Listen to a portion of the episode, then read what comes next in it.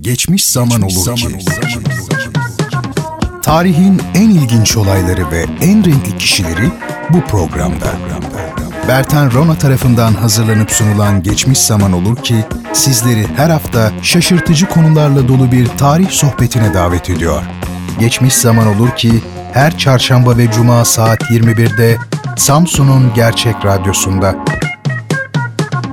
Geçmiş Zaman Olur ki başlıyor. başlıyor.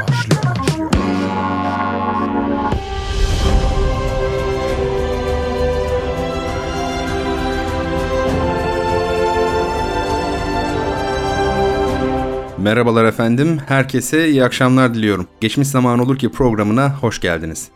Ben Deniz, Geçmiş Zaman Olur Ki'yi sizler için hazırlayıp sunan Bertan Rona. Popüler tarihin ilginç olaylarını, kişilerini ve dikkat çekici olgularını haftada iki kere çarşamba ve cuma akşamları Radyo Gerçek stüdyolarından sizlere aktarıyorum. Gelen mesaj ve maillerden hatta telefonlardan anladığım kadarıyla da bunda muvaffak oluyorum. Daha doğrusu siz değerli dinleyicilerimin teveccüh ve beğenilerine mazhar oluyorum öyle diyelim. Geçmiş zaman olur ki bildiğiniz üzere bir popüler tarih programı.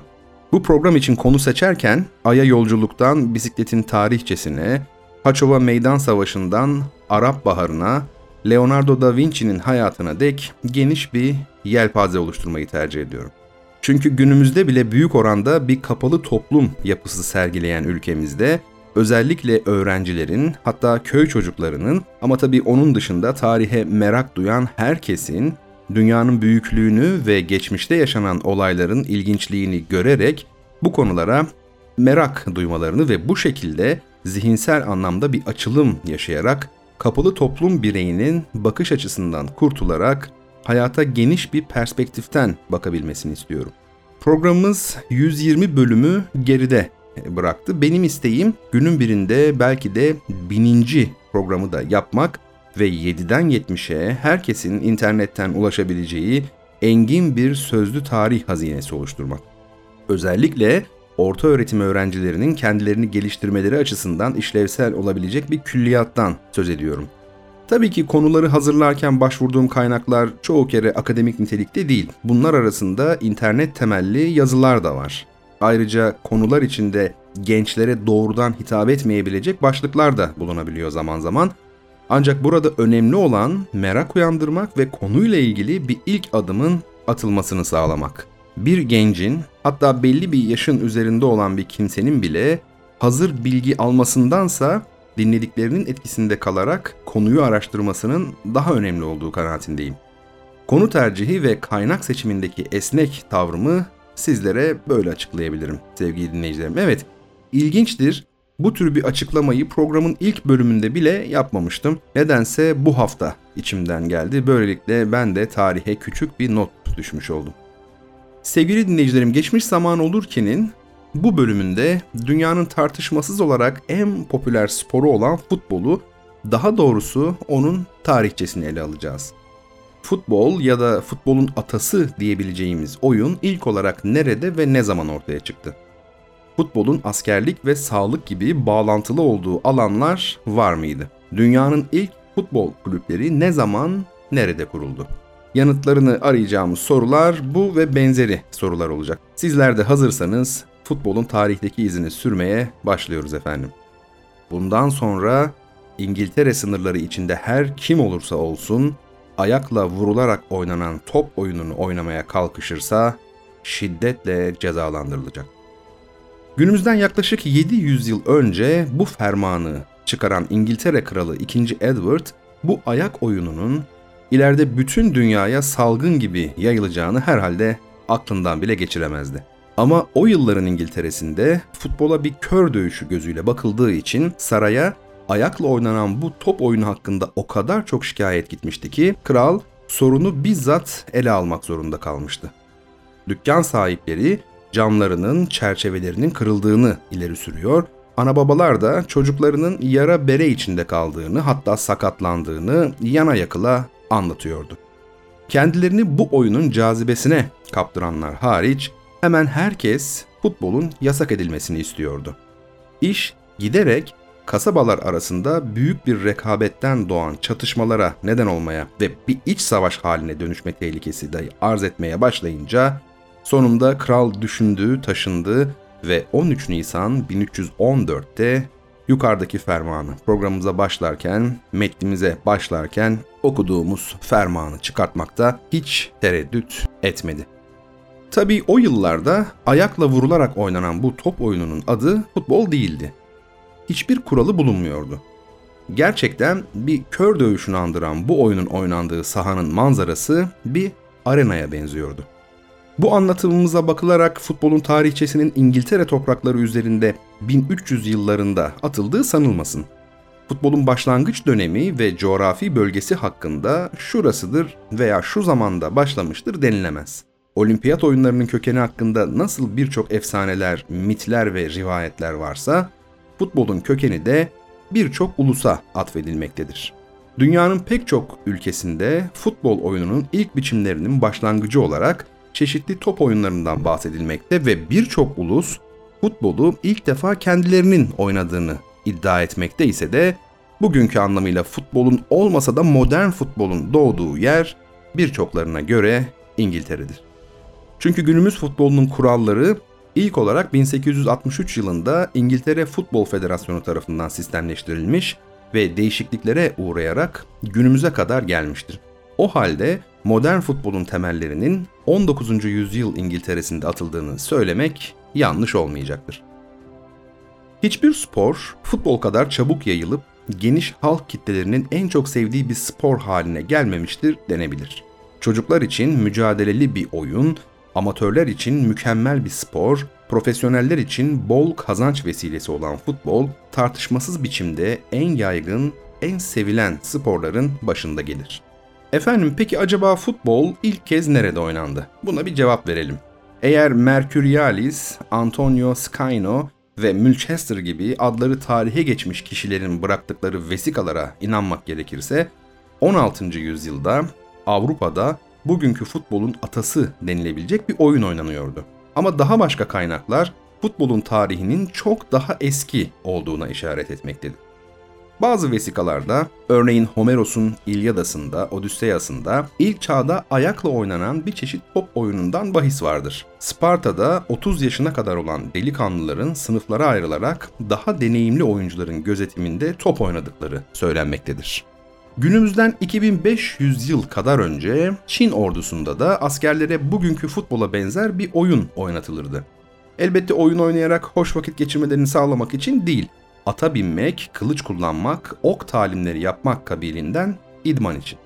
Uluslararası Futbol Federasyonları Birliği yani FIFA tarafından da futbolun en eski formu olarak kabul edilen ve Kuju adı verilen bu oyun eski Çinlilerin askerlik ve savaş talimleri arasında yer alıyor. Oyunun amacı ayakla topu 30-40 santimetre çapındaki ağla örülü bir deliğe sokmaktı. Yine Çin kaynakları bize M.Ö. 2500 yılında İmparator Huang Ti'nin askerlerine yere dikilmiş iki mızrak arasından bir topa ayakla vurup geçirmeye çalışarak çeviklik talimleri yaptırdığını göstermektedir. Bu kayıtlardan futbolun ilk dönemlerde bir oyun amacından çok askeri amaçlar için kullanıldığını ya da askerlerin fiziksel uygunluğunu sağlama gereksinimini gidermek için oynandığını anlayabiliyoruz. Bugün adına futbol demekte tereddüt edemeyeceğimiz bu top oyunu milattan sonra 7. yüzyılda Japonya'ya da geçti. 661-671 yılları arasında taht varisi olan Prens Tenchi Tenno bu oyunu çok sevmiş ve arkadaşlarına da öğretmişti. Geyik derisinden yapılan ve mari denilen bir topla oynanan kemari adındaki bu oyun öyle popüler olmuştu ki kısa bir süre sonra sarayın ileri gelenleriyle asiller aralarında sık sık toplanıp bu oyunu oynamaya başlamışlardı. Bugün de Japonya'da kemari denen bu top oyunu oynanır. Ama artık yalnızca bazı dini bayram günlerinde.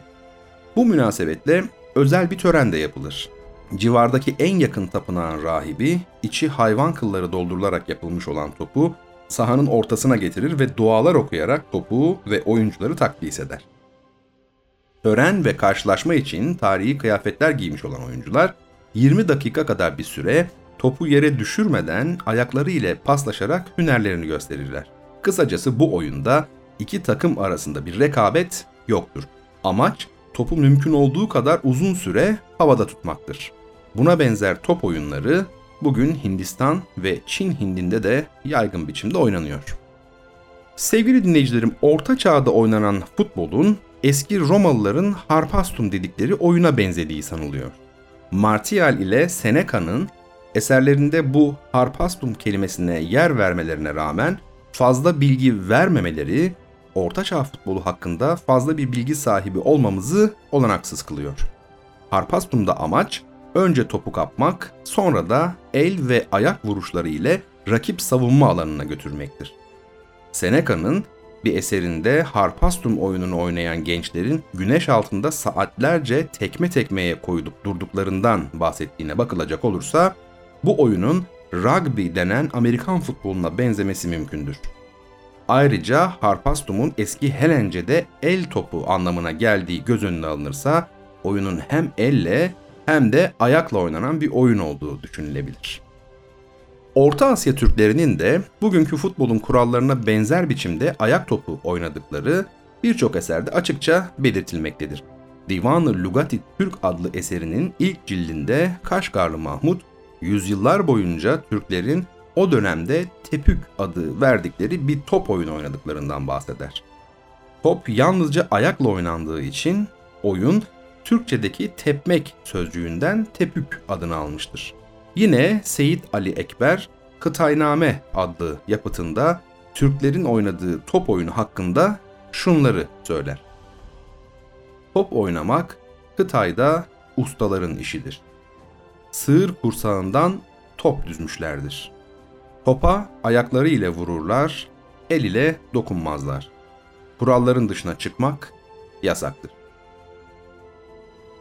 Evet, 2. Edward'ın 1314'te futbolun yasaklanması hakkında çıkarttığı programımızın başında okuduğumuz ferman pek uygulanamamış olmalı ki 1349'da yani ilkinden 35 yıl sonra 2. Edward futbolu yeniden yasaklamak zorunda kaldı. Kral saray askerleriyle hademelerinin ok atma talimlerini ihmal ederek hiçbir işe yaramayan bu oyuna merak salmalarından şikayet ediyordu.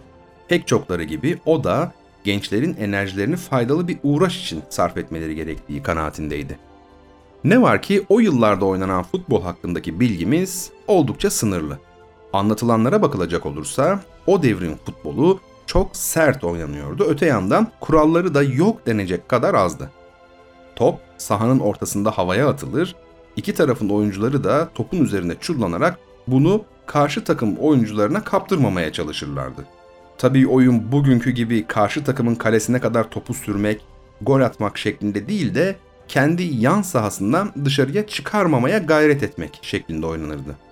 Maçlar genel olarak komşu köyler arasında yapılırdı. Sık sık çıkan kavgalarda kan gövdeyi götürür, hemen her maç kavgayla sona ererdi. Yaralananların, kolları ve bacakları kırılanların sayısı çok olurdu. 16. yüzyılda Richard Mulchester bir eserinde oynanan oyun hakkında şunları yazmıştı. Bu kadar seri ve bu derece kaide ve nizam dışı oynanan oyun ne görülmüş ne de işitilmiştir. Oyuncular birbirlerinin bacaklarına tekmeyle vuruyorlar da hakem sesini bile çıkarmıyor. Evet öte yandan tabi İtalya'da da futbol oynanıyordu. Sanatta, bilimde ve fikir alanında önemli gelişmelere sahne olan Rönesans İtalya'sında Antonio Scaino adlı spor yazarı 1555'te Top Oyunlarının Esasları adlı bir eser yazmıştı. Her çeşit top oyunlarından bahsedilen bu kitapta futbola da yer verilmişti. Bakın yazar ne diyor? Futbol öteki top oyunlarından ayrıdır. Çünkü ayakla oynanır, oynanması zor fakat izlemesi güzel bir oyundur. Bu oyunda kullanılan top havayla şişirilmiş olduğundan içi boştur. Karşılaşmaların yapıldığı saha o kadar büyüktür ki güçlü, kuvvetli biri sahanın bir ucunda dursa elindeki taşı öbür ucuna atması imkansızdır. Sahanın eni de boyunun yarısı kadardır. Buradaki tariflerden de anlaşılacağı üzere futbolun henüz kesin kaideleri ve oynanacağı alanın kesin ölçüleri tespit edilmemişti. Bu durumda da oyunun tam bir kör dövüşü şeklinde olması akla yakın gelmektedir. Oyuncuların sayısı 20-40 kişi arasında değişebiliyordu. Takımların her biri başka renklerde elbiseler giyerler ve kimin önce başlayacağını tespit etmek için bugünkü gibi para atıp kura çekerlerdi. Yine bugün olduğu gibi her takımın bir kapitanosu yani kaptanı vardı. İtalyanlar bu oyuna tekme oyunu anlamına gelen calcio adını vermişlerdi. Bugün de İtalya'da futbol kelimesinin karşılığı birebir budur. Sevgili dinleyicilerim, futbolun tarihsel serüvenini Rönesans dönemine kadar getirdik ama yavaş yavaş modern zamanlara doğru gelelim. Hem izlenmesi hem de oynanması böylesine zevkli olunca tabii tüm yasaklamalara karşın futbol 17. yüzyılda İngiltere'nin en gözde sporlarından biri durumuna geldi. Sonunda pes eden kralların soyluları ve halkı bu oyunu oynamaya teşvik etmeye başladıkları bile görülmüştü. Bu çığırı açan hükümdar ise Kral 2. Charles olmuştu. 1857 yılının 24 Ekim'inde hem İngiltere'nin hem dünyanın ilk futbol kulübü olan Sheffield Club kuruldu. Futbolun İngiltere'de büyük kitleleri peşinden sürüklemesi nedeniyle de 11 kulüp temsilcisinin 26 Ekim 1863'te Londra'da Great Queen Street'teki Lincoln Hanı altındaki bir birahanede toplanmasıyla futbol dünyasının ilk federasyonu olan İngiltere Futbol Federasyonu Football Association kısa adıyla da FA kurularak modern futbolun temelleri atılmış oldu. 1908 Londra Olimpiyat oyunlarına futbolun da dahil edilmesiyle futbol artık uluslararası bir spor kimliği kazanmış oldu. Aslında dünyanın büyük bir bölümü de futbolla İngiliz emperyalizmi sayesinde tanışmıştır.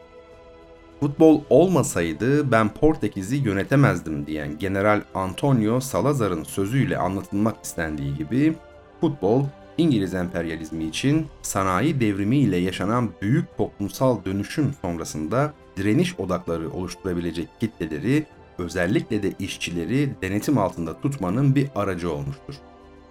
Gemiciler 1874'te Botafogo'da, Brezilya plajlarında ya da 10 yıl sonra Marsilya ve Portekiz'de şaşkın bakışlar altında futbol oynadılar.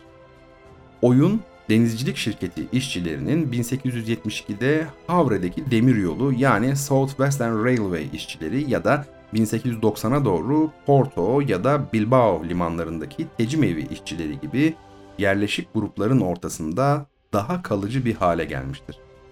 Futbol, Lisbon'da telgraf döşeyen işçiler ya da 1885'e doğru Rio Tinto madenlerinde çalışan teknisyenler yoluyla tüm coğrafyaya yayılmıştır. İngilizler 19. yüzyılda Güney Amerika'ya ticaret gemileri ve demir yolu ile ihraç ettikleri endüstri ürünlerinin yanı sıra kıtaya futbolu da getirdiler. Efendim artık toparlayarak son sözlerimizi de söyleyelim. Günümüzde futbol yalnızca bir spor olmaktan öte tabii bir endüstri niteliği de kazanmıştır. Devasa paraların döndüğü futbol endüstrisi için seyircilerin takımlarını izleyeceği, destekleyeceği ve sorunlarından uzaklaşabileceği mekanlar inşa edilmiş ve stadyumlar yüzyıllar sonra antik tiyatroların ve gladyatörlerin ölümüne dövüştüğü arenaların yerini almıştır. Paranın futbol üzerindeki egemenliği zaman zaman bu oyunu spor olma amacından saptırarak futbolun başka alanlara kaymasına neden olmuş ve hatta 1970 Dünya Kupası finallerine katılmak isteyen El Salvador ve Honduras arasında savaşa yol açmak gibi son derece çarpıcı gelişmelere yol açmıştır. Yanlış duymadınız sevgili dinleyicilerim. 1970 Dünya Kupası finallerine katılmak isteyen El Salvador ve Honduras arasında e, savaşa yol açıyor futbol. Evet efendim futbolun tarihçesini ele aldığımız ancak konuyu tam günümüze kadar getirmesek de futbolun para ile evliliğini de söz konusu ettiğimiz programımızın sonuna geldik. Futbol gerçekten de günümüzde bir spor olmaktan çok bir endüstri durumuna gelmiş halde. Ünlü futbolcuların aldıkları paralar dudak uçuklatacak miktarlara ulaşabiliyor. Üstelik milyonlarca insanın açlıkla boğuştuğu böylesine bir dünyada. Futbolun kitleleri uyutması toplumsal sorunlara değil eğlence amacıyla seyirlik gösterilere yönlendirmesi de sıklıkla dile getirilen bir olgu. Elbette ki bu konuda söylenebilecek şeyler bir programa sığabilecek nitelikte değil. Daha çok bir kitap hatta ansiklopedi olabilecek evsafta. Zaten futbol üzerine yapılmış pek çok yayın var. Meraklısına oralara müracaat etmesini tavsiye ediyorum. Sevgili dinleyicilerim bu akşamlıkta veda vakti geldi. Geçmiş zaman olur ki artık sonlandıracağız. Programı sizler için hazırlayıp sunan Bertan Rona'yı dinlediniz. Her zaman olduğu gibi konumuz futbolun tarihsel gelişimiydi. Bu konuyu sizlere anlatırken serenti.org internet sitesinden yararlandığımızda belirtmek isterim. Efendim geçmiş zaman olur ki çarşamba ve cuma akşamları saat 21'de Radyo Gerçek'te yayınlanıyor. Yakın veya uzak tarihin bizde ya da dünyadaki en önemli, en ilginç olaylarını, kişilerini ve olgularını Bertan Rona'dan dinlemek isterseniz geçmiş zaman olur ki tam size göre. Tekrar birlikte oluncaya değin hepinize iyi akşamlar ve esenlikler diliyorum. Hoşçakalın.